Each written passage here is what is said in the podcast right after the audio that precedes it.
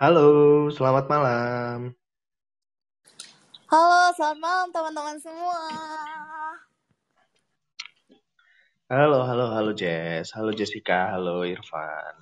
Selamat Halo malam Mas semuanya. halo Jessica. Oke, Halo Mas Irfan, halo.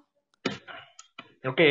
eh, di edisi Selasa hari ini, Selasa malam hari ini kita kebakalan ngobrolin banyak nih Jess soal memilih karir dibandingkan bisnis. Dulu kita di dua minggu yang lalu tuh pernah eh, kita sharing-sharing masalah eh, mirip-mirip juga, yaitu bisnis atau karir. Nah, sekarang eh, kita mau ngobrolin di masalah karirnya nih. Kebanyakan kebanyakan yang kemarin itu kan kita ngobrolin soal pebisnis ya, dari dari sisi orang yang melakukan bisnis usaha dari awal dan juga orang yang sudah resign dan juga sekarang melakukan bisnisnya eh, sebagai pengganti karirnya. Nah, kalau misalnya di malam ini kita bakalan sharing-sharing soal eh, gimana sih kalau misalnya kita memilih masalah eh, memilih karir dibandingkan dengan bisnis dan kira-kira eh, faktor-faktor apa aja yang mungkin menjadikan pertimbangan buat narasumber, terus buat Jessica juga, buat aku juga, buat eh, lebih memilih untuk berkarir nih dibandingkan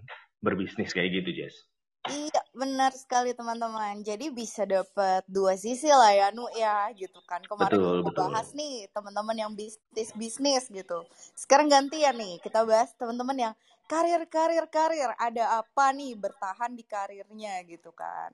Oke, nah eh, sebelum itu paling buat teman-teman ya yang udah pernah join atau yang baru join, mungkin bisa dicek juga rekaman di sesi-sesi sebelumnya, yaitu di Spotify dan juga YouTube-nya Growth Space bisa langsung bisa langsung di search aja titik balik untuk podcastnya dan juga di situ kan ada rekaman dari sesi-sesi clubhouse kita yang sebelumnya kayak gitu Jess. Oke, Eh, mungkin awal awalannya kita perkenalan dulu nih ya sama narasumber-narasumber kita. Oke, eh, halo Mas Irfan Dias.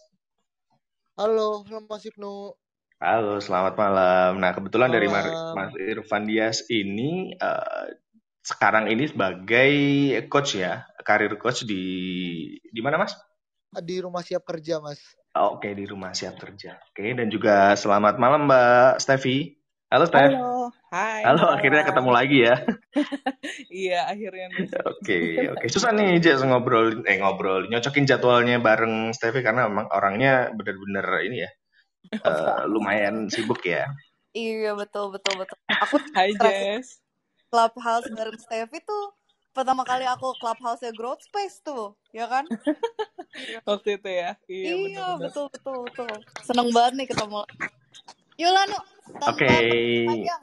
Langsung Oke. lempar tuh pertanyaan. Oke, langsung aja ya. Eh, langsung aja mungkin sharing sessionnya buat teman-teman juga yang sekiranya nanti di tengah-tengah pengen ikutan sharing juga, mungkin dulu pernah berkarir dan juga mungkin sekarang lagi menjalankan bisnis atau sekarang berkarir dan juga melakukan bisnis sebagai side hustle mungkin bisa langsung sharing juga ya nanti ke sini. Mungkin bisa langsung aku jadikan speaker juga tinggal angkat angkat tangan aja. Mm-mm. oke mungkin yang pertama langsung aja ke Mas Irfan nih. Halo Mas Irfan. Halo, halo Mas. halo halo halo. Ini dulu aku pernah eh, bareng Mas Irfan pas waktu di Escape sih Jess. Jadi dulu kita pernah bi- eh, bikin IYCE di Thailand. Mungkin kalau Mas Irfan masih ingat. Oh iya, ingat, ingat Mas, ingat Mas.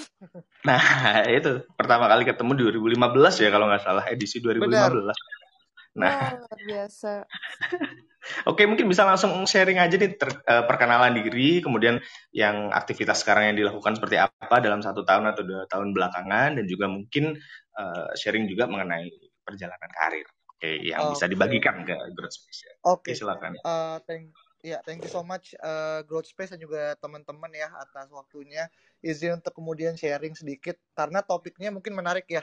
Memilih karir dibandingkan bisnis gitu kan. Cuman mungkin as a disclaimer eh, aku juga eh, apa ya bisa dibilang aku tuh awal juga bi- bisnis mas aku sempat buat startup juga aku juga Oke. kemudian eh, bantuin ibuku di bisnis properti di Jogja juga tapi ada suatu hal yang ngebuat akhirnya aku memilih untuk akhirnya menjalankan karir terlebih dahulu sebelum akhirnya melanjutkan Hmm. apa yang udah ada gitu kan dan mungkin Hmm. eh, ini beberapa ada teman-teman juga relate juga gitu kan tapi mungkin karena sekarang aku sebagai seorang profesional bukan sebagai seorang bisnis uh, apa sebagai entrepreneur. Jadi sudut pandangku mungkin lebih terbatas pada kenapa sih akhirnya aku memilih sebagai seorang uh, profesional gitu kan. Nah, uh, mungkin Oke. aku bisa bilang aku tuh lulus kan 2019 ya. Uh, terus kemudian aku bekerja sampai dengan saat ini dan kalau ditanya kesibukan seperti apa, sekarang aku uh, bisa dibilang aku full time di rumah siap kerja sebagai associate career coach. Tapi aku juga uh, megang beberapa project yang memang uh, terkait dengan pemerintah dan juga aku sebagai freelance juga di beberapa tempat. Jadi kalau misalkan dibilang kesibukan apa sekarang lebih kepada palu gada aja sebenarnya sih. Cuman kok fokusnya lebih kepada terkait dengan uh, career development seperti itu. Namun kalau ditanya apakah aku udah mulai cukup lama atau belum, sebenarnya aku juga baru masuk ke dunia dunia HR dan juga training segala macam mungkin baru satu setengah tahun ke belakang kali ya karena aku tuh dua tahun kerja di awal setelah lulus kuliah tuh kerja di consulting kan uh, lebih kepada di impact consulting uh, dan aku ngerasa saat itu aku kerja sebagai seorang uh, business development uh, Mhm. terus aku ngerasa kayak dengan latar belakangku psikologi kayaknya terlalu lompat terlalu jauh gitu kan.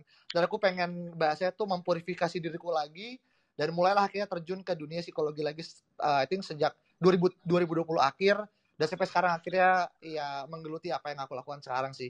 Mungkin itu sih uh, mas sebagai introductionnya kayak gitu Oke, oke, oke. Berarti bisa dibilang pada saat menjalankan bisnis eh, bareng orang tua atau di Jogja dulu itu ya, itu pada saat kuliah berarti, Mas? iya pada saat kuliah benar Oke, oke, oke. Berarti setelah benar-benar lulus kuliah, habis itu langsung full profesional di eh, bidang BD itu tadi.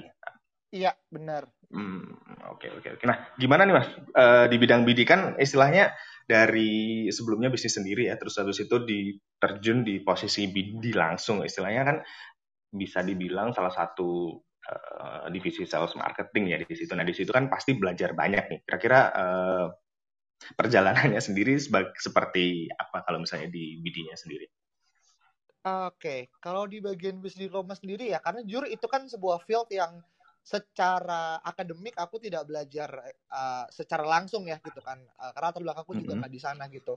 Uh, cuman memang mungkin kenapa aku ambil ini mungkin agak mungkin sedikit melenceng, tapi aku sharing sebagai sebuah apa ya uh, hal-hal yang menurutku penting gitu kan. Karena gini, aku selalu Boleh, merasa boleh. pekerjaan pertama itu bukan selalu tentang berapa gaji yang didapatkan gitu kan. Mungkin dia gaji emang penting dan kita tahu ya kemarin sempat viral gitu kan. Ada anak fresh grade yang pengen gajinya seberapa digit gitu kan. Iya, bener-bener. itu silahkan gitu kan nggak masalah gitu mereka mau gaji berapa. Selama memang merit base dalam artian ya dia tahu kapasitasnya berapa dan dia yang dapetin itu berapa gitu. Nah balik ke konteksku saat itu 2019 aku emang kenapa aku eh, apa namanya eh, milik ke sana? Karena saat itu aku kenal sama siapa yang mendirikan kayak gitu kan. Kebetulan yang yang punya itu ex dari McKinsey Indonesian President Director gitu kan. Dan dia salah satu foundernya apa namanya uh, founder di beasiswa yang aku join juga. Jadi aku kenal secara Mhm, person mhm. lah sama beliau gitu kan. Dan beliau uh, tahu aku karena aku latar belakangnya ada di sektor sosial juga. Dan ketika dia pengen buat impact consulting yang berhubungan dengan CSR segala macam ya udah akhirnya dia butuh orang-orang yang kemudian udah pernah terlibat secara langsung gitu. Tapi aku juga bilang ya aku nggak punya latar belakang di business development as in sales karena di bisnisku pun ya beda ya. Kalau bisnis properti kan jauh lebih kepada ya kasarnya apalagi di di Jogja lebih cenderung stabil saat itu gitu kan. Jadi nggak perlu kemudian kita ngelakuin hal-hal yang sifatnya kayak cold email cold calling dan even ngelakuin pitching segala macam gitu. Tapi uh, in the end of the day menurutku sih semua terkait dengan proses gitu kan. Dan selama kemudian aku kemudian lebih belajar sama beliau gitu kan. Dan beliau aku rasa jadi satu mentor yang terbaik. Jadi nggak cuma kerja tapi kemudian menimba ilmu. Dan akhirnya selama dua tahun semua berjalan ya adalah apa ups and downs-nya. Tapi in the day ketika aku resign pun ya aku berterima kasih dengan apa yang didapetin. Dan sekarang pun ketika aku terjun ke dunia sektor yang jauh berseberangan dari apa yang berkaitan dengan eksternal ya aku aku ngurusin internal itu sebenarnya membantu tapi secara indirect sih. Jadi karena emang aku dari dulu emang tipenya exploring apa yang ada dan aku bisa ya udah akhirnya coba untuk kemudian memperdalam apa kesempatan yang ada aja sih kayak gitu sih mas Oh, oke, oke, oke. Berarti memang pada saat eh, setelah lulus kuliah itu istilahnya langsung diajak dan dibajak dalam tanda kutip ya Mas ya untuk eh, ngebantu dari consultingnya itu di- dan juga Ya.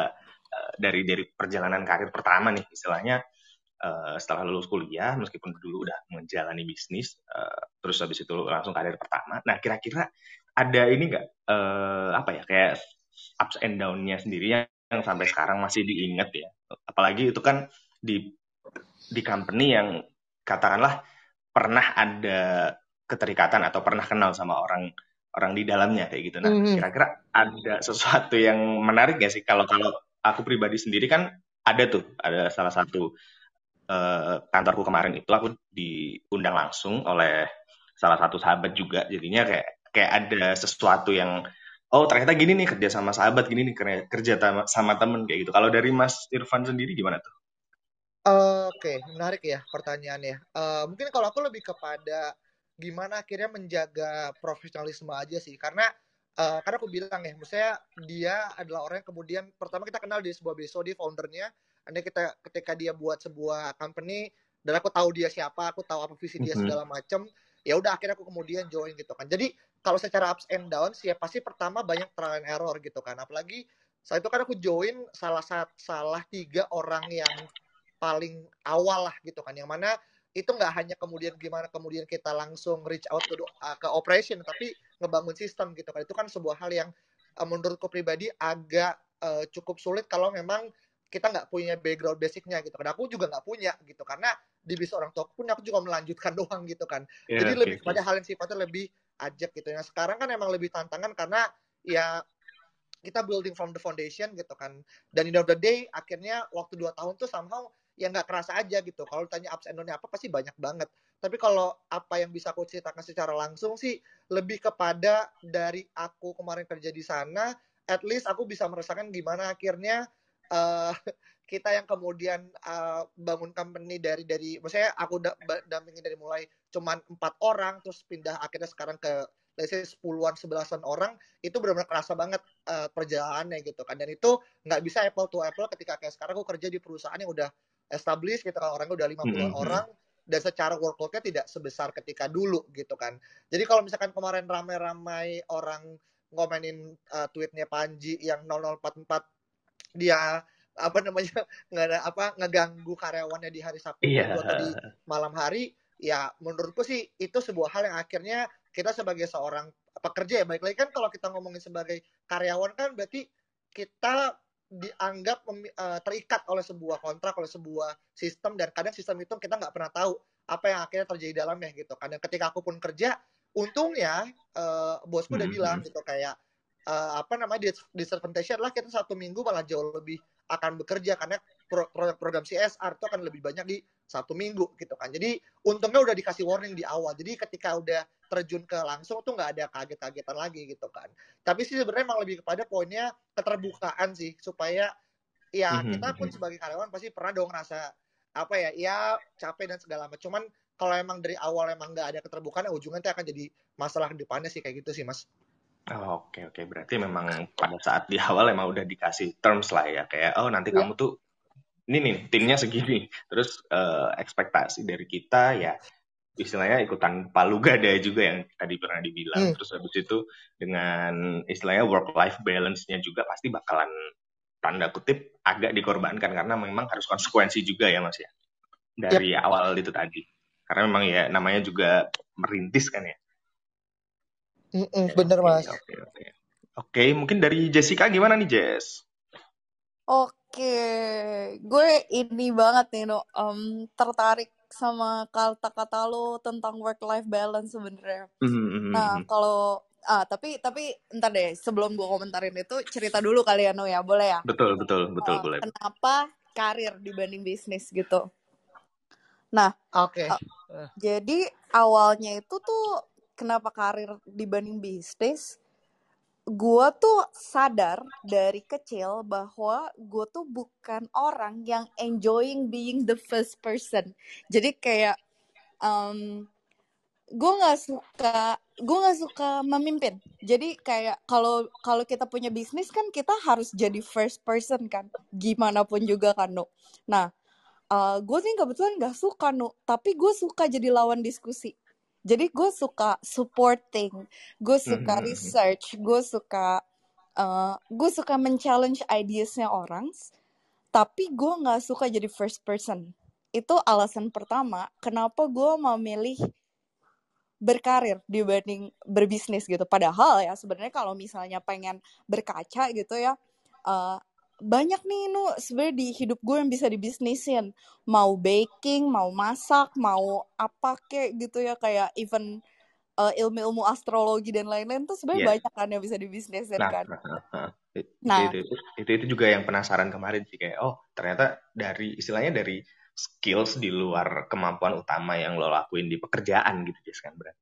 mm Hmm, gitu. hmm, hmm. Nah, tapi uh, pertama itu tuh, gue nggak suka jadi first person. Yang Oke. kedua, I'm very bad at um, managing money gitu. Jadi bukan, jadi gini, uh, orang kan suka ngomong ya, kalau lu bad at managing money ya lu belajar lah gitu. Benar, Hmm, hmm, itu benar. benar gitu kan, benar. Uh, tapi I'm not enjoying it gitu. Jadi kayak uh, orang kalau mau berbisnis, satu hal yang harus dia punya, jadi tuh kayak di bisnis tuh ada empat pilar gitu loh. Yang harus kuat tuh salah satunya pilar finansial. Jadi if you wanna build a business, you have to be very good at financial things gitu kan. Nah, uh, as I grow up, gue belajar bahwa oh gue bisa sih managing money, tapi gue nggak enjoy gitu. Dan kalau misalnya gue nggak enjoy, gimana gue mau punya bisnis sendiri gitu kan ya. Jadi itu sih dua alasan mengapa pada akhirnya gue memilih berkarir dibanding berbisnis. Walaupun memang punya banyak skill lain atau misalnya kayak uh, bekal-bekal lain yang kalau gue mau bisnisin tuh bisa aja gitu kan. Gitu no. Yes, Nah, yes, yes. Oke. Terus pertanyaan lo yang kedua gitu kan, Eh, setelah bertahun-tahun kerja nih di sebuah company, ups and downs-nya banyak gak sih? Banyak banget gitu ya. Kalau misalnya tadi eh, Mas Irfan cerita tentang gimana caranya dia merintis em, perusahaan gitu dari nggak ada sampai ada gitu dan orangnya tuh kayak sedikit banget gitu. Nah, eh, kalau gue tuh lebih ke arah challenge-nya gue sekolah eh, dan gue punya pengetahuan yang benar-benar beda banget dari pekerjaan gue. Jadi pertama kali gue lulus, itu gue lulus sebagai sarjana hukum, tapi gue kerja sebagai business development gitu kan. Jadi kebetulan kerjanya sama sama Sama nih. Iya, orang-orang BD gitu kan. Nah, terus dibandingin sama teman-teman gue yang lulusan dari kayak uh, finance, business school, bla bla bla. I'm very stupid gitu kan kayak ah, eh, nggak bisa gitu kayak Jessica bikin price waterfall. Apaan price waterfall? gitu kan bikin bikin business canvas Ih apaan tuh? Nggak ngerti gitu kan Suruh periksain agreement oke deh gitu kan Tapi yang lain kan nggak bisa kan no, gitu. Nah Iya, iya, iya. belajar belajar belajar belajar belajar terus sampai akhirnya 2018 di hijack ke HR karena mereka butuh trainer yang eh, ngerti bisnis gitu kan.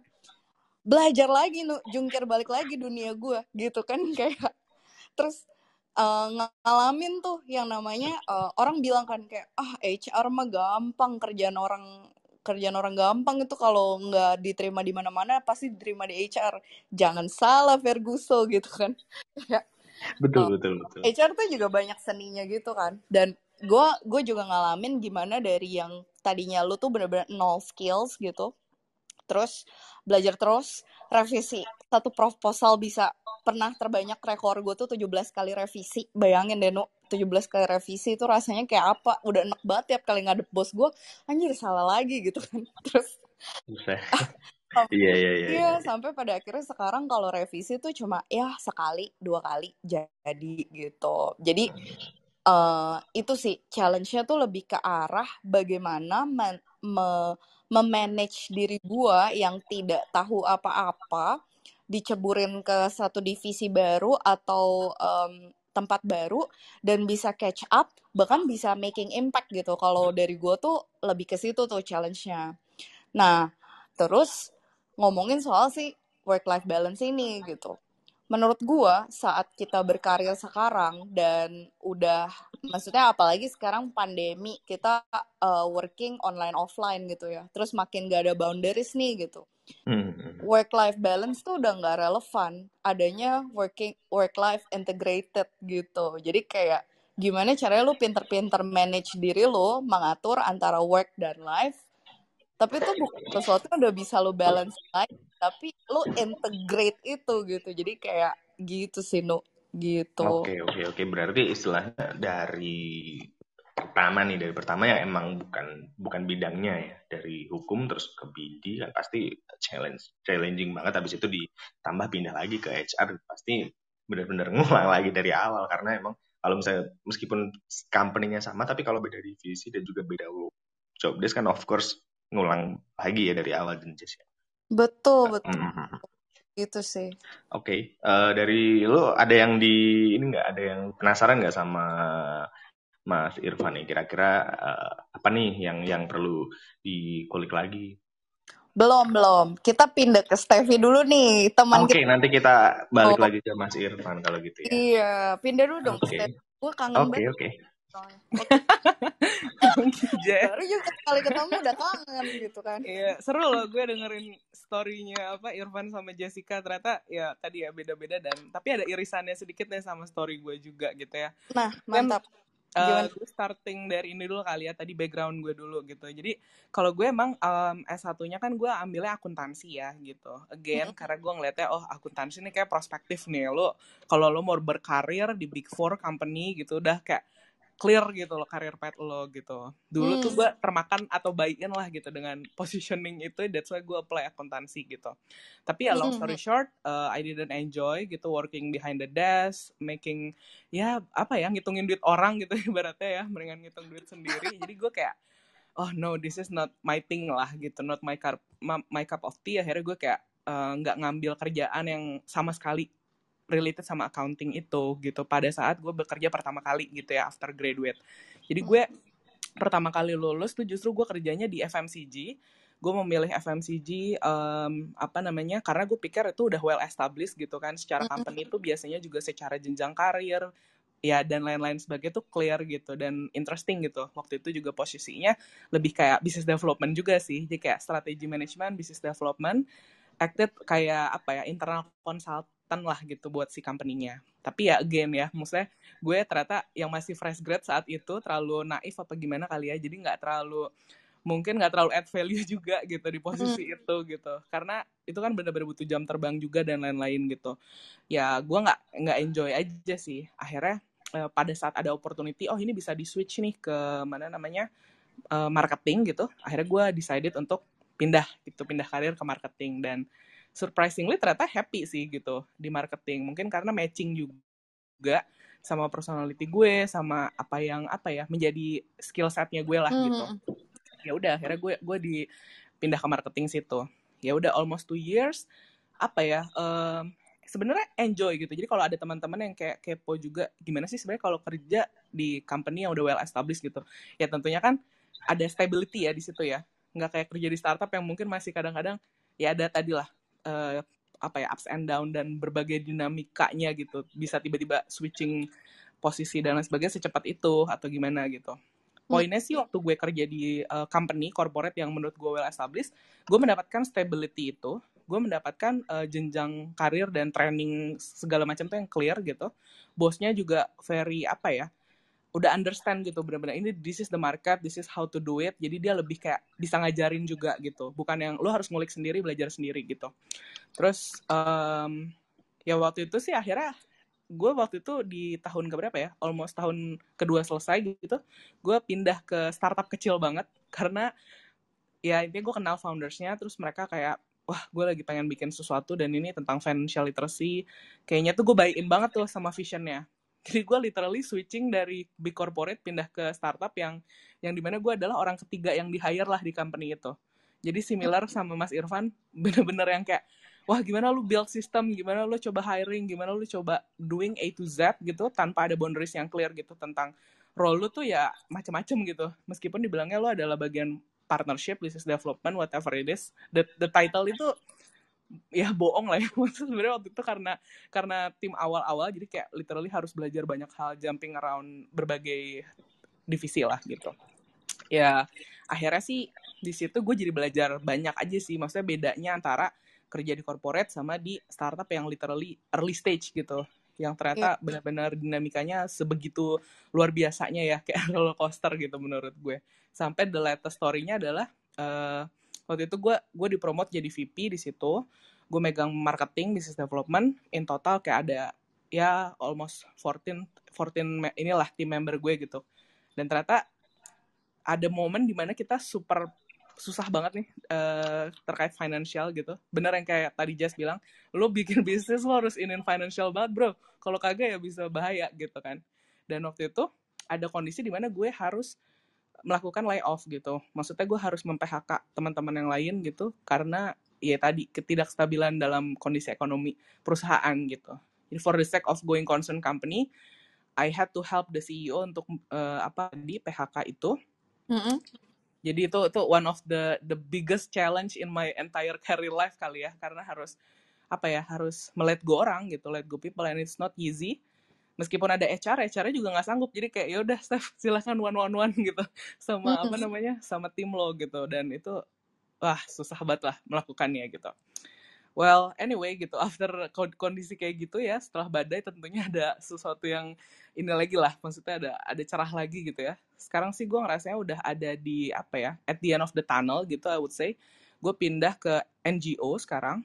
Jadi mm -hmm. NGO ini sendiri sebenarnya emang dia global organization, uh, base-nya di New York, tapi dia udah ada di 40 markets dan gue di Indonesia-nya gitu.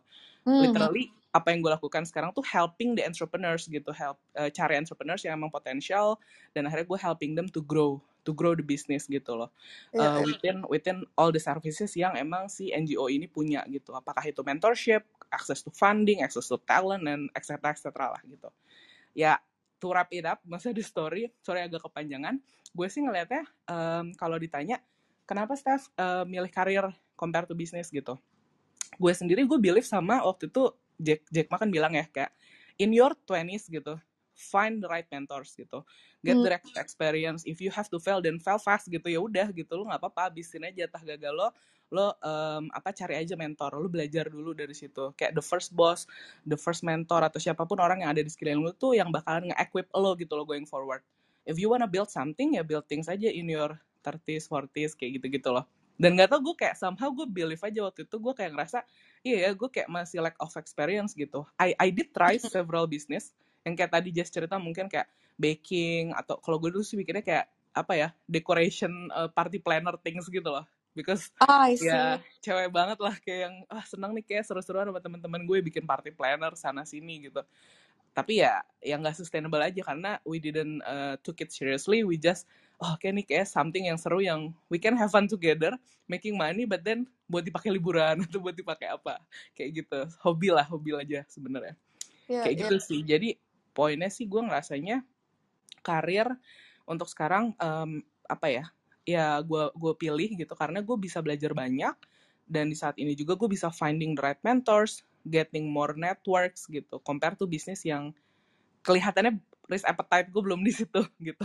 Kayak gue belum sanggup dengan dinamika tadi tuh yang gue kan udah uh, working closely with the founders and right now juga working closely with ya yeah, several entrepreneurs gitu. Jadi I know how difficult it is and how you have to be determined banget gitu ya harus gigih grit gitu ya orangnya untuk bisa run the business. Jadi kayak kayaknya gue masih belum ke sana gitu.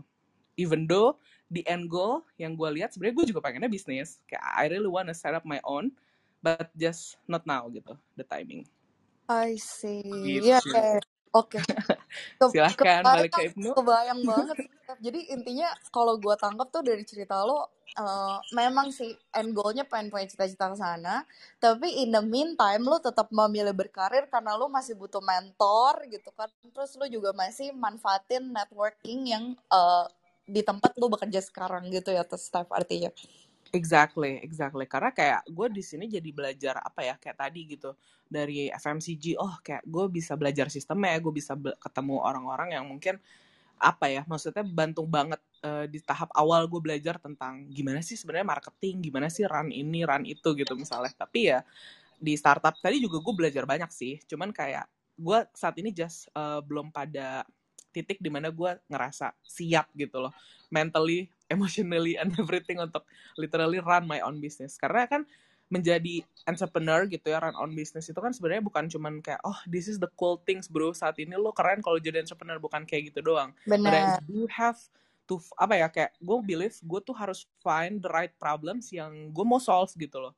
Dan sebelum itu crystal apa ya crystal clear belum clear buat gue gue belum tahu kayak apa sih sebenarnya uh, end goalnya atau ya begin with begin with the end in mind lah ya apa sih yang mau gue bikin gitu itu tuh kayak ya belum saat yang tepat aja gitu untuk gue ikut ikutan uh, keseruan menjadi entrepreneur saat ini Gitu. Iya, iya. Oke, jadi nambah lagi nih satu alasannya bahwa belum memilih bisnis dulu karena belum tahu juga nih uh, ap, bidang apa sih yang lo mau tekuni dan lo yakin itu akan bermanfaat bagi orang banyak gitu ya, Steph. Iya, betul, betul.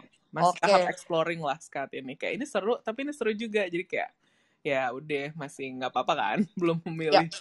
fokus di satu bidang gitu. Benar, benar. Yang penting nggak merugikan orang lain kan. betul. Iya iya. Oke, jadi kalau tadi Steffi alasannya tiga itu, kalau gue alasannya karena gue bener-bener mengenal diri gue sendiri gitu kan. Gue nggak siap jadi first person, gue nggak siap jadi, eh, gue nggak siap uh, gimana ya? Gue nggak siap. Harus sekuat itu mengelola finansial di mana itu adalah bidang yang sangat sangat sangat tidak gue suka. Bahkan saking gak sukanya gue berpikir kayak nanti kalau gue punya suami gue mau yang ngasih duit ke suami. Jadi kayak sayang ini aku punya uang coba kamu kelola gitu kan. Kayak gue gue berpikir kayak gitu tuh. Nah pengen pengen balik ke Mas Irfan nih Mas. Kenapa karir dibanding bisnis gitu? Tadi kayaknya oh. belum belum belum disinggung secara oh iya uh, iya iya oke okay. uh, eh, thank you banget ya uh, Kak Stevi by the way uh, ex CEO ku yang tepat pertama aku kerja di consulting itu juga jadi salah satu mentor di Endeavor Indonesia juga Kak Stevi. Oh, Mungkin nice. Kak Stevi juga uh, kenal namanya Mr. Raul Oberman. Uh, oh, oke. Okay. Iya. Iya. Jadi makanya aku tadi sempat mikirkan ah Endeavor Indonesia kayaknya aku tahu deh karena apa beberapa kali dia beliau juga sempat ceritain tentang apa yang dia lakukan juga sih. Tapi ya itu apa hmm. namanya ini aja apa uh, apa namanya uh, intermezzo intermezzo. iya. intermezzo kayak gitu. Nah uh, balik ke pertanyaannya uh, sebenarnya kalau kenapa uh, memilih karir ya mungkin ada dua faktor eksternal sama internal gitu karena aku mau dari eksternal dulu. Aku udah pernah bilang aku udah pernah bahas juga sama orang tua aku juga gitu kan. Karena aku ngerasa uh, entah kenapa ya mungkin aku cuma taunya enak-enak doang kali ya buat bisnisnya gitu kan. Karena tinggal melanjutkan. Dan menurutku tuh nggak ada hal yang lebih indah dibandingkan ap, melanjutkan apa yang udah udah terbuild up gitu kan. Jadi ya udah kamu cuma tahu operasional karena perlu tahu bagaimana jadi payah akhirnya membuat membuat itu gitu kan. Dan sayangnya aku akhirnya masuk di fase-fase yang udah mimpi indah gitu. Nah ketika kemarin aku pengen berniat untuk melanjutkan apa yang udah dilakukan ketika aku dan aku pengen sebenarnya aku nggak pengen balik ke Jakarta lagi. Dan aku pengen stay di Jogja melanjutkan bisnis yang ada dan aku ngerasa ya hidup udah begitu indah aja gitu nggak perlu ada hal yang kemudian uh, dilalui oleh banyak hal gitu kan. At least tidak ketemu sama macet dan segala macet tapi tetap ada income yang kemudian tergenerate setiap bulannya gitu kan. Tapi saat itu memang dari uh, keputusan orang tua yang memilih untuk tidak membiarkan anaknya uh, apa namanya uh, terjun ke uh, ke bisnis secara langsung. Berdasarkan dari pengalaman uh, mereka berdua yang merasa mereka tuh jadi entrepreneur setelah 20 tahun bekerja dulu kayak gitu. Dan mereka pun juga pengen sama gitu. Alasannya adalah supaya dia paham fundamental fundamental-fundamental yang mungkin tidak bisa ditemukan secara langsung ketika terjun langsung dunia bisnis yang mana menurutku mungkin agak cenderung uh, uh, konvensional ya. Kalau kita ngomongin sekarang anak muda udah jadi CEO, udah masuk profesor di under 30. Jadi uh, menurut mereka yang penting kamu kerja dulu aja, mengumpulkan modal, punya pengalaman buat connection. Baru ketika udah 40, you can start your own business gitu kan. It's either continuing what been established atau founding your own gitu kan. Nah di sini yang kemudian menurutku cara pandang bagaimana orang tua kemudian uh, memilih itu akhirnya jadi membawa aku akhirnya ya udah uh, apa namanya tidak melanjutkan gitu kan. Itu dari segi eksternal. Kalau dari internal aku pun juga mungkin sama ya kayak Jessica juga gitu kan. Aku pun sangat bisa dibilang apa ya tidak cukup familiar lah secara apa attitude dengan angka gitu kan. Apalagi dengan finansial segala macam. Tanpa kemudian me, menyampingkan uh, apa namanya finansial adalah sebuah hal yang kemudian uh, faktor penting ya dari sebuah bisnis. Tapi aku juga kemarin saya tuh nggak megang finansial langsung gitu. Jadi lebih kepada operation gitu kan. Nah itu akhirnya ngebuat aku ngerasa kalau aku langsung terjun aku pun juga sadar diri kalau apa yang aku punya itu belum seberapa gitu kan. Apalagi ditambah backgroundku yang kemudian sebenarnya lebih cocok untuk ngurusin terkait dengan SDM gitu kan. Jadi di situlah akhirnya uh, mix and match terjadi, internal eksternal ketemu, dan ditambah dari sudut pandang yang lain ada opportunity yang kemudian aku ngerasa cocok gitu kan. Dan ya udah akhirnya uh, sekarang udah tiga tahun aku kerja, meskipun belum selama KSTV ya. Cuma aku adalah um, itu yang akhirnya ngebuat akhirnya aku kenapa melanjutkan apa yang ada sih kayak gitu sih uh, masih penuh juga Kak Jessica hmm. I see, I see. Menarik ya. Bahkan dibagi lagi nih kalau sama Irfan ada faktor internal sama eksternal ya, Nu ya. Betul, betul, betul. Jadi kayak uh, ternyata banyak faktor juga sih yang membuat membuat kita ini uh, mau atau bener-bener bisa full time atau bisa all in lah di bisnis itu. Karena kata Steffi tadi juga bener nih, ada glorifikasi ya, ada glorifikasi bahwa di lima tahunan terakhir lah bahwa kalau misalnya uh, kamu nggak bisnis atau kamu nggak jadi entrepreneur, kamu tidak keren, kamu tidak akan bisa sukses. Gitu. Benar. Betul. Nah, sebelum gue tanya lu nih, Nu, kan kalau tanya diri sendiri nggak mm -hmm. enak kan, jadi lu pasti. Oh iya betul betul. Nah, kan ingetin juga ke teman-teman uh, mungkin yang hadir hari ini di sini lagi punya kegelisahan nih terkait, aduh kak, apakah aku harus memilih karir dibanding bisnis? Tapi teman-teman aku CEO, teman-teman aku punya toko ini, teman-teman aku punya toko itu gitu, atau punya bisnis yang gitu. Nah kalau kalian pengen ngobrol, pengen tanya, langsung aja raise hand nanti aku atau Ibnu akan naikin kalian. Oke? Okay? Jadi jangan malu-malu. Oke. Okay. Nah, uh, kalau gitu Nu, sekarang lu dong cerita. Hmm gimana uh, kenapa nu dibalik semua petualangan lo gitu ya? Bahkan Ibnu nih sampai anak-anak yang itu loh guys yang eh, lomba-lomba proposal bisnis gitu. Astaga. tapi dia malah memilih kerja sama orang gitu kan. Kenapa nu? Ada apa dibalik semua ini nu? Oke oke oke. Jadi uh, sebenarnya yang pertama karena ini sih karena secara personal uh, uh, sampai sekarang sih ya masih belum merasa capable buat nge ngejalanin bisnis sendiri kayak gitu. Kayak uh, gue tuh orangnya ini Jess, suka di lead. Dalam artian suka di so, masih bener, bener bener kayak si Stevie tadi masih bener-bener nyari mentor yang bener-bener bisa ngasih uh, oh kalau kamu punya pandangan ini mungkin kamu bisa uh, ada opsi nih di sini di sini di sini karena dia punya pengalaman. Nah, oh kalau misalnya kamu pengen ke sini, oke okay lah coba uh, trial atau coba explore di ini ini ini ini. Nah dari situ gue bener-bener pengen nyari pengalaman dengan ikutan sama orang, dengan belajar, kemudian nyari mentor yang benar-benar bisa jadi istilahnya bisa jadi inspirasi ya buat buat uh, working life saat ini gitu. Selain itu juga uh, untuk secara finansial gue juga pernah berusaha ya mencoba untuk bikin uh, usaha sendiri sama temen kayak gitu. Dulu pernah istilahnya join join venture atau join modal kayak gitu udah pernah gue modalin tapi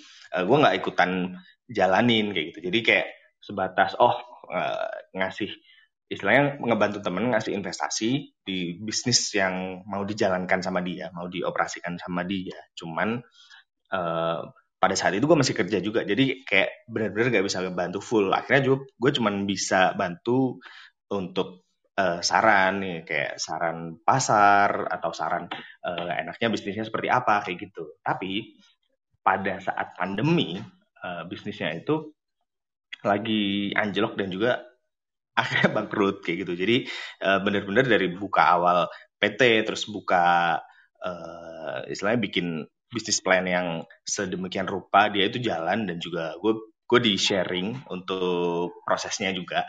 Sampai akhirnya bangkrut dan sekarang PT-nya juga udah ditutup kayak gitu. Jadi ada rasa kayak ragu-ragu dan juga rasa ketakutan juga ketika gue masih belum punya ilmu dan juga belum punya istilahnya capital untuk jadi seorang CEO atau pemimpin lah kasarannya kayak gitu. Sehingga uh, oke okay lah gue masih mau belajar dan terusin nerusin explore apa yang gue minatin dulu gitu sama hmm. upgrade upgrade skill juga gitu. Karena uh, yang di startup gue yang sebelumnya itu uh, gue juga berteman sama CEO dan juga berteman sama chief uh, operation officer juga di situ. Itu bener-bener struggling sekali. Jadi mulai uh, bootstrapping mulai nyari duit nyari cara buat ngegaji karyawan itu bener-bener sangat sangat berat. Jadi kalau misalnya gue masih di posisinya itu kayaknya masih belum bisa untuk saat ini sih Jess. I see, I see. Oke, okay. jadi balik lagi ya pengen mentor dan mm-hmm. kalau dari lu bahkan lu punya kisah gitu ya di balik apa namanya kisah yang ngelihat langsung gitu bahwa oh ternyata sesusah itu dan kalau lu berkaca sendiri kayaknya enggak deh gue belum siap gitu ya iya betul gitu oke oke nah tapi sebenarnya um, gue penasaran deh uh, sama temen-temen nih. Mungkin uh, yang uh, bisa kali nu pilih-pilih orang gitu nu. Di bawah nih nu. Naikin aja nu. Coba undang. Oke. Kayak siapa tahu nih ada di sini mau sharing atau mau melempar pertanyaan atau mau berbagi kegelisahan gitu kan. Atau sekarang lagi ngejalanin bisnis tapi berpikir untuk apa berkarir aja ya gitu kan. Nah boleh nih nu. Coba Oke, ada beberapa profil yang gue tertarik sih. Ya, ini udah gue invite juga, mungkin buat teman-teman bisa langsung uh, di accept saja, jangan malu-malu. nggak apa-apa aku sama Ibnu tuh nggak gigit loh ya nggak sih Kita kita benar-benar berawal dari yang uh, masih ngobrolnya masih belum ada chemistry dan juga masih ngobrol uh, susah gitu ya, masih Hmm. malu-malu juga kita awalnya. Mm-mm, sampai Tapi pada sekarang nggak punya malu. Iya bacot akhirnya sekarang Oke, mungkin eh, se- sambil nunggu teman-teman yang tadi udah gue invite naik, gue mau tanya lagi nih sama Mas Irfan. Nah, ini menurut pandangannya Mas Irfan sendiri nih, eh, untuk posisi saat ini kira-kira udah nemuin sparks atau passionnya tentang pekerjaannya belum sih? Oke, nah ini ngomongin passion ya dan juga Hmm, bahasanya sparks or whatever ya anak-anak muda mungkin sebutannya punya masing-masing beda gitu kan. hmm, Eh, kalau dari aku pribadi ya so far eh, dari apa yang aku jalankan sehari-hari gitu kan, eh, aku ngerasa apa yang aku lakukan sekarang udah cukup bisa membuat at least eh, setiap hari aku bangun tuh tidak merasa eh, tertekan secara emosional maupun secara apa ya ini tidak nggak nggak ada dampak-dampak negatif yang kemudian muncul lah. Karena kan menurutku pribadi eh iya kan penting banget kata. Jessica, Jessica kan. Kalau kita aja bangun pagi aja udah merasa tertekan dan ujungnya akhirnya ngebuat mood kita jadi nggak enak itu akhirnya ngebuat kerjaan kita pun akan berdampak secara signifikan juga.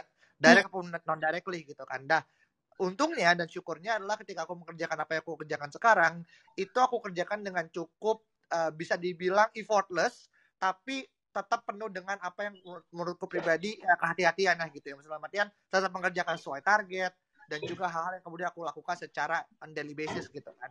Jadi kalau ngomongin apakah aku udah kemudian menemukan sparknya eh, aku nggak mau bilang iya 100% tapi mungkin dari 0 sampai 100 mungkin di angka 80 lah gitu kan. Karena 20% lainnya masih aku coba cari. Kenapa? Karena sebenarnya kalau tadi Kak juga mungkin sama ya kayak aku sama Kak Stevi mungkin sama-sama I think within the next 10 years gitu kan. Kita juga pengen kemudian punya bisnis sendiri gitu kan. Bukan berarti kemudian kita nggak pengen kerja sama orang lagi tapi kita ngerasa kita udah punya apa yang kemudian kita cari dan kenapa nggak kemudian kita coba implementasikan gitu kan. Karena kan menurutku hidup kan karir kan bertumbuh bertumbuh gitu kan. Dan aku pun juga sama gitu. Karena dalam bayanganku gitu kan at least 3 sampai 5 tahun ke depan ya aku pengen juga untuk kemudian ngebangun semacam lembaga konsultan SDM ku sendiri gitu kan. And why not gitu kan? That's why sekarang aku lagi ngebangun sebuah portofolio juga gitu. Jadi menurutku sih selama itu align dengan karir purpose ke depan whatever it takes sih menurutku masih selama masih dalam kondisi yang wajar objektif aku merasa itu adalah ya milestone aja sih. Masih penuh jadi nggak perlu ada yang ngerasa terlalu di apa ya over apa ya eh, apa overclaim dan segala macam jadi buku ya udah just take it as something yang ya udah emang ini effort yang menuju ke sana kayak gitu Oke, oke, oke. iya. keren keren. Oke. Itu Mantep nih, Jess. Hmm, hmm. notes notes penting tuh, Duk. Eh, tahu dulu karir plan lo ke depan Yes, mau betul. ngapain gitu ya. Iya. Oke. Nah, sebenarnya tuh kita udah kedatangan dua orang temen ya nih. Ada Anton, ada Hafiz gitu. Tapi eh, karena Ibnu tadi nanya terus kentang gitu kalau belum dijawab sama semuanya. Jadi Anton sama Hafiz bersabar, jangan tiba-tiba keluar ya. Iya, tahu-tahu eh, ini jaringannya hilang gitu. Tahu-tahu malu kan ya kan. Oke, jadi Steffi Oke. dulu nih, Steffi. Steffi, gimana Steph? Menemukan sparks gak tuh kalau bahasanya Ibnu? Cie, menemukan sparks. Kalau gue sih, tuh biasa ya, maksudnya di tempat yang sekarang yang baru, karena karena aku juga baru tiga bulan kan, kalau yang di apa di NGO yang tadi gue cerita ini, gue sih merasanya udah menemukan sparksnya gitu.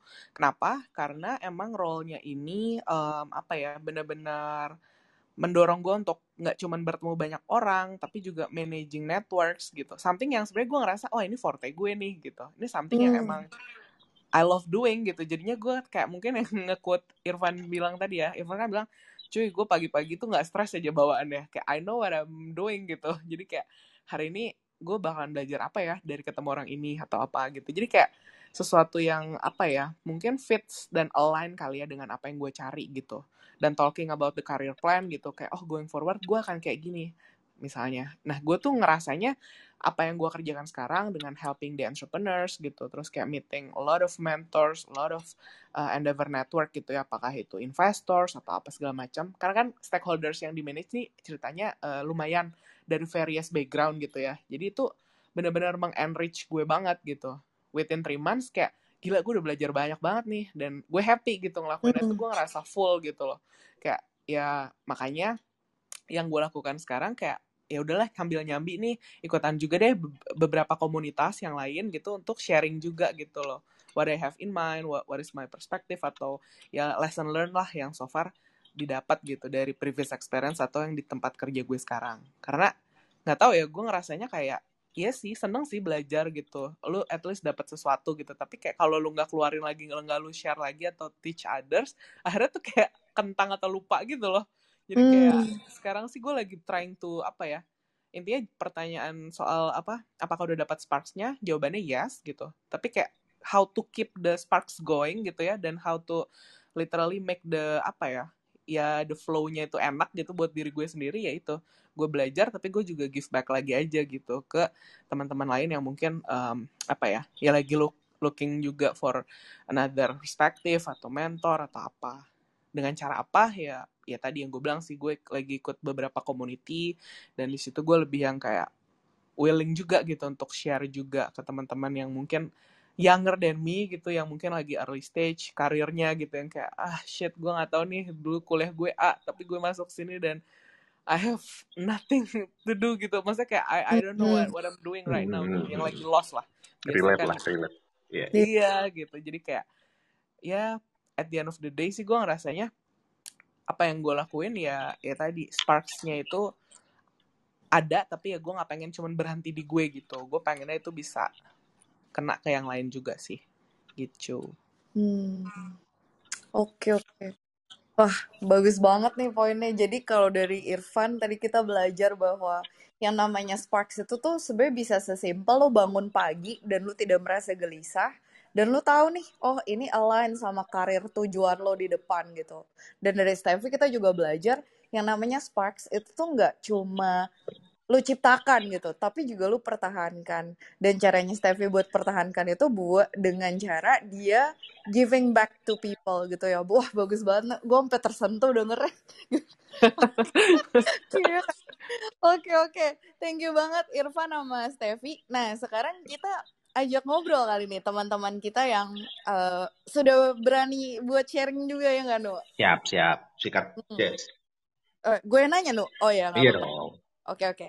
Halo, Anton. Nih, nih Anton penonton setia loh. Wah, iya. Iya nih, Kak. Iya, gimana gimana Ton? Ada yang mau di-sharing atau mau ditanya mungkin? Eh, sebenarnya ada yang mau saya saya gue tanyain langsung sih. Dengar karena dengar-dengar tadi topiknya tentang apa tentang spark joy gitu. Mm-mm. Nah, berhubung ini kan gue tuh ngerasa salah jurusan sih sebenarnya dengan jurusan yang yang gue yang gue tekunin sekarang. Eh, gue kuliah di akuntansi tapi nggak nemuin sparks di situ. Maksudnya nggak nemuin sparks di bidang akuntansinya. Tapi ketika ada matkul yang berhubungan dengan sistem, dengan teknologi informasi yang berkaitan dengan bisnis, entah kenapa gue tuh lebih lebih interesting gitu. Terus kalau dipikir-pikir ya setelah tahu seperti itu dan emang rata-rata temen teman-temanku juga anak IT sih, anak IT dan kami tuh se- sering membahas topik tentang teknologi, bisnis dan lain-lain. Nah, jadi kerasa, oh sebenarnya passionku tuh bukan di akuntansinya tapi di sistem dan teknologi informasi Hmm. dan karena Mhm. emang udah terlanjur semester akhir juga kan jadi nggak bisa pindah nah kalau misalkan kita kalau misalkan kasusnya seperti gua ini bagaimana cara menciptakan sparks walaupun jurusan kita tuh nggak relate sama karir yang kita mau kalau gua sih tertariknya berkarir di ini di tech di bidang data Hmm. Oke. Oke, oke, Gitu oke, oke.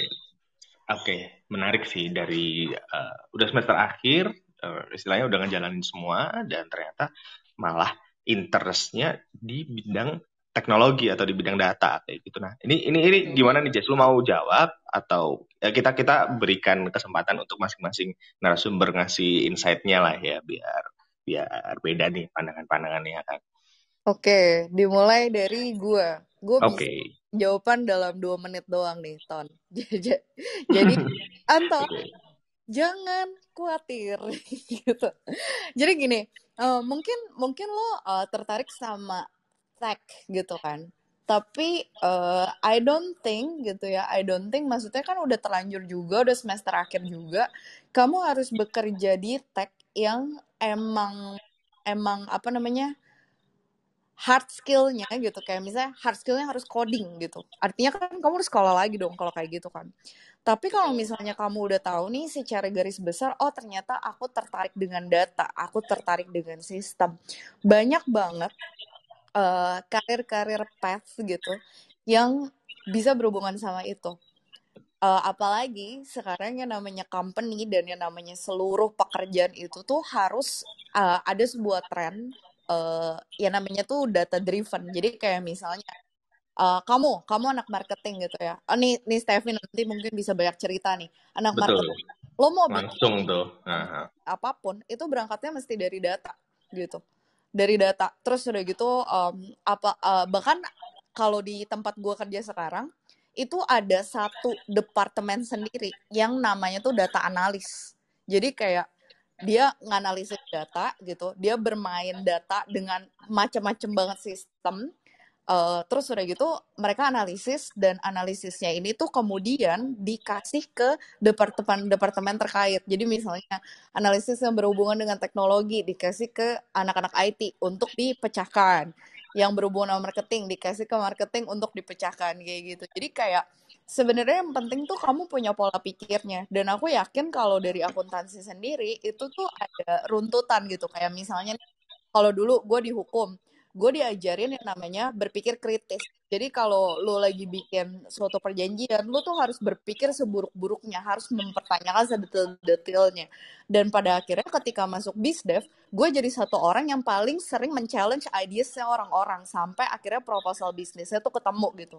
Jadi kayak cari benang merahnya ton, karena nggak ada ilmu yang percuma gitu. Itu kalau jawaban dari gue tuh no. Nah mungkin Irfan sama Steffi punya insight lain nih. Boleh, Atau ini boleh. seru, seru. Ini Iya. eh, mungkin mau nambahin aja ya. Maksudnya dari yang tadi Jess udah udah sampein juga. I think it's very good point ya. Maksudnya gini Ton, kayak kalau gue bisa ceritakan dari pengalaman gue tadi, gue juga kayak gitu tuh case-nya. Gue anak accounting tapi kayak oh ini bukan gue banget gitu ya ternyata. Gue sempet juga sih galau banget tuh kayak udah semester semester akhir kayak yang oh no gitu nanti going forward gue gimana ya kayak I don't see myself working for a apa ya big four company accounting firm gitu gitu kan. Jadi kayak sempat tuh masa-masa galau itu dan trying to explore a lot of things di situ. Tapi poinnya kalau gue bisa cerita dari pengalaman gue ya gue ngerasa pertama ya emang benar kayak kuliah S1 gitu ya itu tuh ya bukan berarti lu akuntansi terus lu harus gitu kan kerja di bidang akuntansi lagi nantinya gitu loh. Tapi ya yang jelas ketika lu kuliah itu lu pasti dapat tadi kan kayak uh, way of thinking yang uh, yang spesifik lah mungkin detail gitu kan kalau di accounting. Terus kayak emang harus kritis juga logic gitu kan yang based on data based on apa. Itu juga kan sebenarnya sesuatu yang mungkin positif positifnya lah yang kita bisa dapetin sebagai anak accounting gitu kan pas uh, kuliah. Nah tapi hidup ini kan nggak cuman terbatas kepada apa yang sudah keputusan yang sudah lu lakukan di masa lalu ya nggak sih? Maksudnya tiga tahun lalu let's say lu memilih untuk masuk accounting. Dan what gitu kan? After this uh, what are, uh, apa ya? Where are you going gitu kan sebenarnya? Lu punya pilihan gitu loh untuk defining your future dan untuk menjalankan the, the uh, apa ya the present uh, atau today gitu. Kalau gue bisa suggest atau um, apa ya uh, sarankan lah gitu ya. Yang pertama ya you have to finish what you've started which is itu kan juga showing bahwa lu responsible gitu. Karena dulu gue juga sempat seriously pernah ada di titik yang gue udah aduh kayak gue nyerah aja deh nih accounting gak paham gue accounting biaya accounting ina inu banyak banget gitu kan. Gue sempet hampir udah mau menyerah gue kuliah gue itu. Tapi kayak gue nggak mau gitu untuk menyanyiakan semuanya gitu. Maksudnya gue jadi kayak ya udah main fokus gue pada saat itu adalah let's finish what we've started gitu apa yang gue udah pilih ya udah nggak apa-apa gue kerjakan karena ini konsekuensi dari pilihan gue sebelumnya gitu kan. Tapi believe bahwa going forward you you always have the option you always have the future gitu loh. Dan bright atau enggaknya ya itu in your hands juga lu pengennya gimana ke depannya gitu. Bener banget yang kayak tadi Jess bilang di marketing gitu ya apalagi nih tech industry. Wah data itu mah udah yang kayak super ini banget cuy dibutuhkan banget gitu kayak lu mau ngambil keputusan marketing BD whatever it is balik lagi datanya gimana? Cek lagi misalnya apa pun itulah ya apakah ceknya di tablu ceknya di datanya pakai apa diolahnya segala macam. Tapi yang jelas itu tuh emang key banget gitu untuk decision making. Jadi kayak you you can play roles gitu loh di depannya mau kayak gimana. And it's not the end of the day gitu loh. Salah jurusan tuh kayak ya it's okay gitu. Itu happens dan gak cuman ke lo ke gue dan mungkin beberapa temen yang ada di sini tapi kayak it happens a lot gitu kan in uh, apa ya di, di hidup banyak orang. Tapi ya yang yang matters most gitu adalah after this lu mau ke mana gitu. Apakah lu berani untuk taking decision gitu to finish what you've started which is beresin kuliah lo. Kedua ya defining gitu loh. Ke mana lu mau uh, mau, mau mau kerja atau apa pun itu berkarir di ke depannya. Dan jangan khawatir intinya emang data mah itu sesuatu yang lahan hijau gitu loh. Kayak you you gonna make inilah apa ya a bright future juga kalau emang akhirnya mau menekuni bidang itu. As long as ya lu harus punya grit sih punya grit dan benar-benar willing untuk to do extra more lah berani bayar harga untuk oke okay, gue willing kok untuk kerja di sini ini something yang gue passionate about and gue willing untuk um, ya go extra miles gitu untuk mewujudkan apa pun bidang karir ke depannya yang related to data gitu. Mungkin itu dari gue.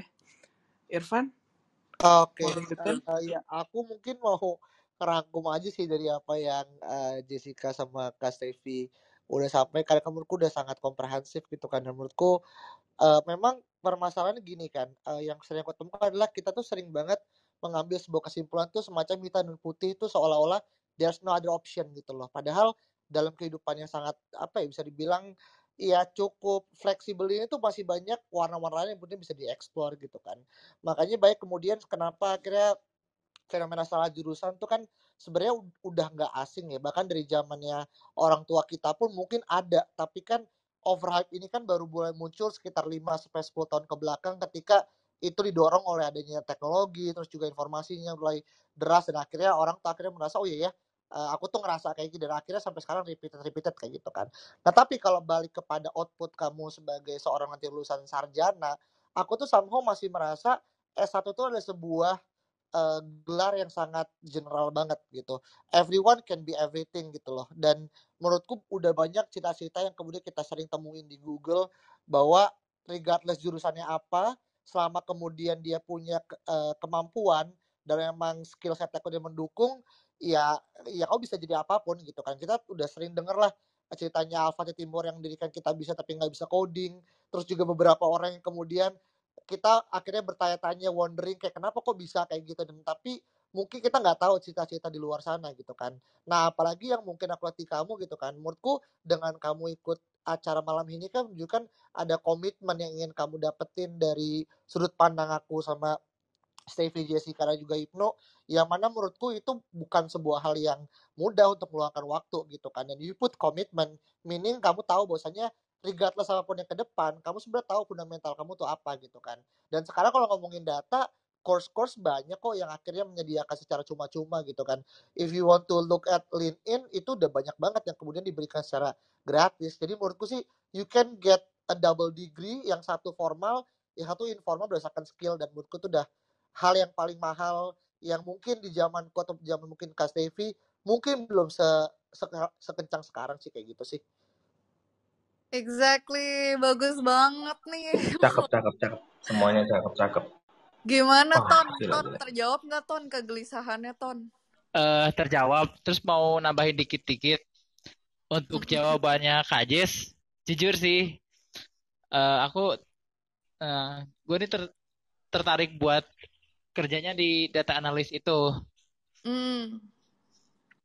Oke, Hmm, siap oke, Ton. oke, oke. Mantap, mantap. Istilahnya udah, eh, maksudnya bayangan karir petnya nanti kan udah ke, kejawab lah dari diri sendiri juga. Itu kan itu yang paling penting sih, Jess. Jadi kayak lo tuh mau, eh lo tuh tahu lo tuh mau jadi apa gitu. Itu itu salah satu step yang ba- yang penting banget di, di, di, di tahapan karir, apalagi di awal-awal gitu kan. Iya, setuju. Ya, oke. Nah, sebenarnya gue penasaran. Ini, ini, ini, ini, ada, ada yang udah gue angkat nih. Ada Mas Iman. Halo, Mas Iman. Halo, Halo, ketemu, lagi. ketemu lagi, Siap, siap, siap. sehat-sehat semua. Nah, dari Mas Iman ini kan eh, sebelumnya dulu pernah sharing deh, dulu pernah sharing bahwa beliau ini eh, sekarang lagi di Google, di Google sana dan juga eh, mungkin perjalanannya panjang juga ya dari Mas Iman yang eh, istilahnya pentolannya Zik and the Popo juga mungkin yang udah pernah denger. keren, keren, keren. Apa apa nu pentolannya apa nu? Sorry. Zik and the Popo. Ben, Oh, Ben iya. gue itu. Masa lalu, masa lalu. Oh, alah. Aku tahu Aku tuh Mas, loh, Pope, Mas. Mas. Itu Kenapa zaman aku? SMP. Karena saya di Amerika, jadi Hmm. hilang bandnya. I. Oh, Mas. Senang, Jessica senang ya. Gimana gimana gimana? Nu? J- Nah, nah, Jadi nah. gak konsen. Nanya apa sama Mas Oke, Iman? jadi kayak eh, mungkin berbagi per- perspektif juga sih buat Anton dan mungkin juga ada teman-teman di sekarang di bawah ini yang mungkin masih eh, fresh grade atau mungkin ada nih cita-cita buat switch karir. Nah, mungkin buat dari Mas Iman sendiri kalau untuk eh, pekerjaan tech ya khususnya untuk tech, nah kira-kira eh, gimana nih Mas kalau misalnya untuk saran nih buat Anton yang sekarang ini lagi accounting, kemudian dia pengen move ke data, kayak data analis. Oke, thank you ya. Saya udah diangkat. Eh, paling Mhm. secara aja kali ya. ya. Eh, kalau saya rasa sih mendingan diselesain kuliahnya, didalamin lagi ilmu accounting seberapa pun kita mungkin saat ini kita nggak menyukai atau nggak merasa nggak ada passionate di situ ya karena kita udah kita jenuh gitu kita kuliah begini terus kita melihat wah bidang data ternyata asik nih ternyata gue ma- apa mampu nih gitu. tapi kalau udah terlanjur menyemplung di situ mendingan kuliahnya selesaiin dulu karena tadi benar sih kata teman-teman bahwa saat ini kan data tuh ibaratnya emas ya ladang hijau subur banget gitu loh bahkan saya sendiri juga nyemplung di sini karena bidang saya sebelumnya yaitu musik gitu Eh, jadi dari musik itu saya nyemplung ke sini karena ternyata ada value yang saya bisa kasih di sini dengan latar belakang saya dan ternyata perspektif saya ini yang dibutuhkan di bidang saya saat ini gitu. Jadi itu menarik sih eh, bagaimana tadi mas siapa eh, Tony ya, ya Tony bilang bahwa kayak nggak ada passion ternyata saya passionnya ke bidang lain gitu. Tapi ternyata setelah ini pengalaman saya ya, uh, I'm speaking based on my experience aja gitu. Ternyata pengalaman kita yang masa lalu itu membuahkan hasil di masa depan gitu loh. Karena saya saya nggak nggak pernah nyangka saya bisa tiba-tiba bisa kerja di Google dengan pengalaman saya yang nggak ada basic IT sama sekali gitu. Dan ternyata emang basic IT itu eh, diperluin tapi secukupnya agar sampai kita untuk supaya kita bisa mengerjakan apa yang dibutuhkan. Ternyata yang dibutuhkan itu lebih daripada bidang IT-nya sendiri, gitu. lebih daripada bidang teknisnya karena teknisnya saya diajarin di sini gitu. Belajar itu kayak udah enam bulan pertama tuh buat belajar doang gitu. Eh, jadi menurut saya sih emang nggak ada salahnya sih emang kita saya kayak jenuh gitu ya kita kayak waduh kok jenuh nih gue ternyata ada bidang lain yang lebih menarik gitu ternyata tapi kalau misalnya kita dalamin itu dan kita bisa bisa combine kita bisa kembangkan itu kita tuh jadi satu yang unik gitu loh dengan latar belakang ini perspektif ini kita bisa kembangkan untuk di bidang kita masa depannya Ya, gitu dulu kali ya soalnya saya ini lagi baru bangun banget bikin kopi nih Oke thank you Mas. thank you Oke Mas Iman, makasih. Thank you banget Mas Thank you, Iman. thank you, thank you Mas Iman. thank you ya saya bikin kopi dulu ya Oke, Iya, oke. ya boleh Mas. gila luar biasa banget sih. Tapi bener banget tuh yang katanya Mas Iman. Jadi kayak jalanin aja dulu. Karena tuh However, namanya manusia, namanya zaman tuh berubah terus kan. Dan kayak kita tuh nggak akan pernah tahu nih ke depannya kita akan kayak gimana gitu. Dan ketika nanti kita udah sampai di depan juga masih banyak kesempatan kok untuk bertumbuh. Jadi kayak tenang aja Ton. Uh, pokoknya jalanin aja dengan sebaik-baiknya. Oke, okay. uh, mungkin itu. Semoga Anton uh, tercerahkan gitu ya uh, malamnya. Nah, sekarang kita pindah ke satu lagi nih, teman kita yang uh, udah makasih udah mau naik gitu. Hafid, halo. Halo, halo. Kedengeran ya? Kedengeran. Jelas, jelas. Gimana? Ya. Mau bertanya atau menanggapi atau bercerita? Uh, lebih ke cerita boleh? Boleh oh, dong. boleh, boleh, boleh dong. Ya, sebelumnya makasih banyak Mas Ibnu, Mbak Jessica, dan teman-teman lainnya. Jadi, saya mau cerita ini kan temanya mumpung relate gitu mm-hmm. memilih karir dibandingkan bisnis mm-hmm. jadi dulu itu saya bisnis sama temen partneran nih ceritanya mm-hmm. partneran jalan dua bulan tiga bulan lah tiga bulan itu kita bubaran mm. wow nah dan ada satu poin atau momen yang mungkin bisa apa ya jadi pelajaran bersama-sama untuk teman-teman lainnya ketika nanti mau mulai bisnis atau partneran dengan teman lainnya. Nah, waktu itu ternyata ada miskom antara saya dan teman saya. Teman saya ini dia eh, bidang dia di produksi ya dan saya di marketing. Karena bubarnya itu lebih ke mindset kita yang beda. Jadi karena orang produksi kan dia udah ngeluarin modal kan udah ngeluarin modal banyak, udah effortnya udah gede juga. Sedangkan saya tim marketing, ya hanya fokus ke marketing. Dan akhirnya karena dia pengen apa ya cepat gitu, perputaran cash flow-nya cepat. Jadi dia kayak wah sebulan dua bulan ini nggak kenceng-kenceng banget penjualan. Akhirnya ketika dia pengen cepat, sedangkan saya yang marketing ketika apalagi itu bisnis masih baru ya. Kalau teman-teman marketing pasti seenggaknya agak agak sedikit tahu bahwa di awal-awal itu kita kayak ngebangun fondasi dulu kita ngebangun awareness kita nguatin brand kita dan dia pengen kayak cepat sales tiap hari nih harus genjut genjut genjut genjut nah dari situ jadi miskom dan akhirnya ya kita bubaran setelah tiga bulan. Jadi saya cuma mau pengen cerita apalagi ini baru pertama kali dan hmm. masih ada lonceng itu tuh selamat datang. Hmm. Jadi mungkin ceritanya itu sih Mbak Ibnu eh Mas Ibnu. Oke oke. Salting Gak apa-apa. Gak apa-apa. Iya, Ibnu emang kayak gitu kalau malam jadi Mbak. Iya, emang gitu. Kelihatan banget ya.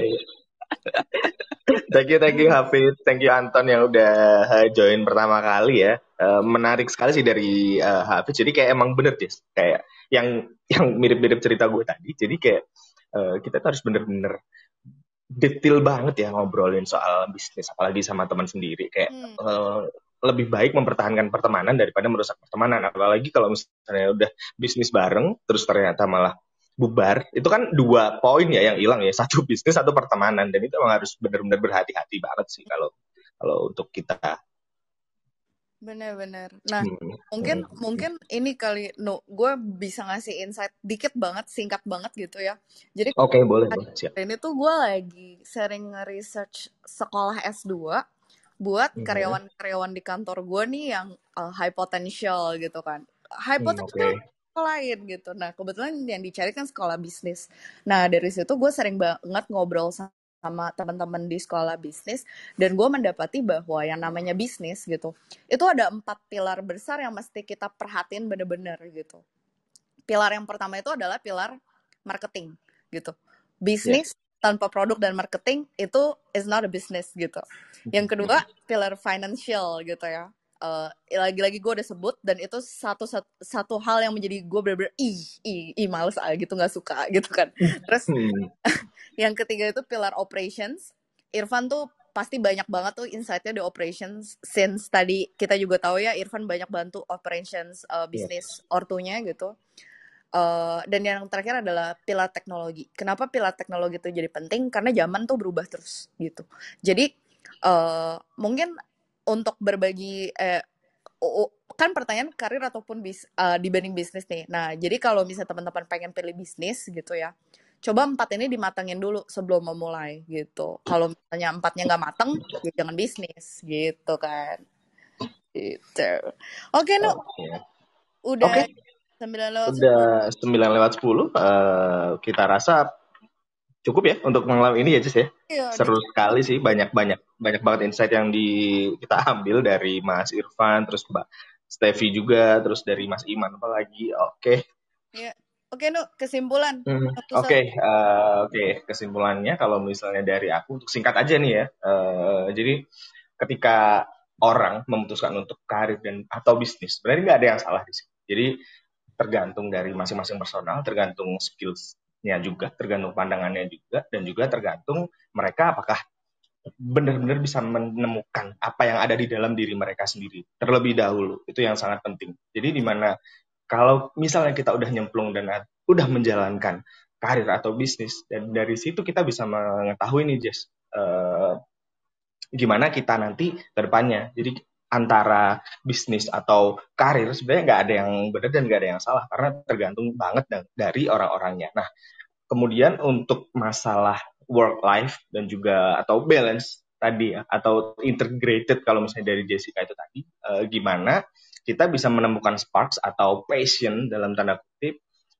sesimpel kita bangun pagi dan tahu apa yang harus dilakukan dan juga eh, nggak terbebani ya atau nggak merasa I'm lost, I'm I'm not fit into this. Tapi di balik rasa itu juga sebenarnya kembali lagi ke kita mengetahui apa yang kita mau, kita mengetahui apa yang kita jalani saat ini, apakah benar-benar tepat. Jadi selain kita mengulik ilmunya, kita juga harus benar-benar bisa memahami bahwa dari sisi kita sendiri, kita juga harus eh, mengenal lagi eh, interest kita dan juga skill set kita di mana sebelum kita benar-benar terjun dan memutuskan untuk berjalan di antara karir atau bisnis yang akan kita jalani.